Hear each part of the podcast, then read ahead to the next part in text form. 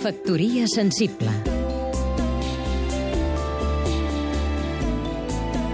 David Castillo, escriptor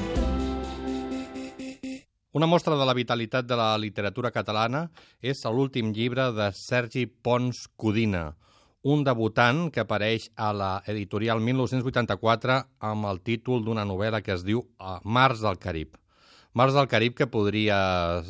pensar-nos que es tracta d'una novel·la d'aventures, és en realitat un bar eh, del barri de Sant Andreu, un bar inventat, però que s'assembla molt a totes aquelles tavernes que hi havia a Barcelona. Dintre d'aquest bar hi ha tota una sèrie de personatges, podríem dir dintre de la tradició de la picaresca,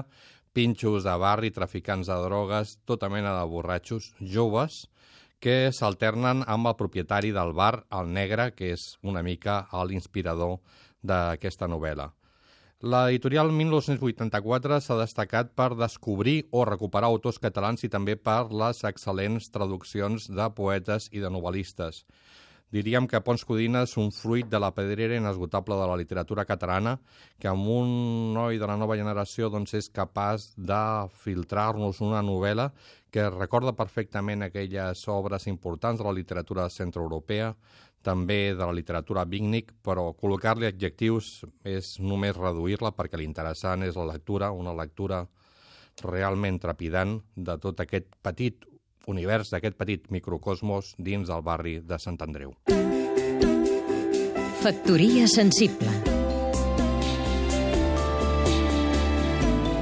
Seguim-nos també a catradio.cat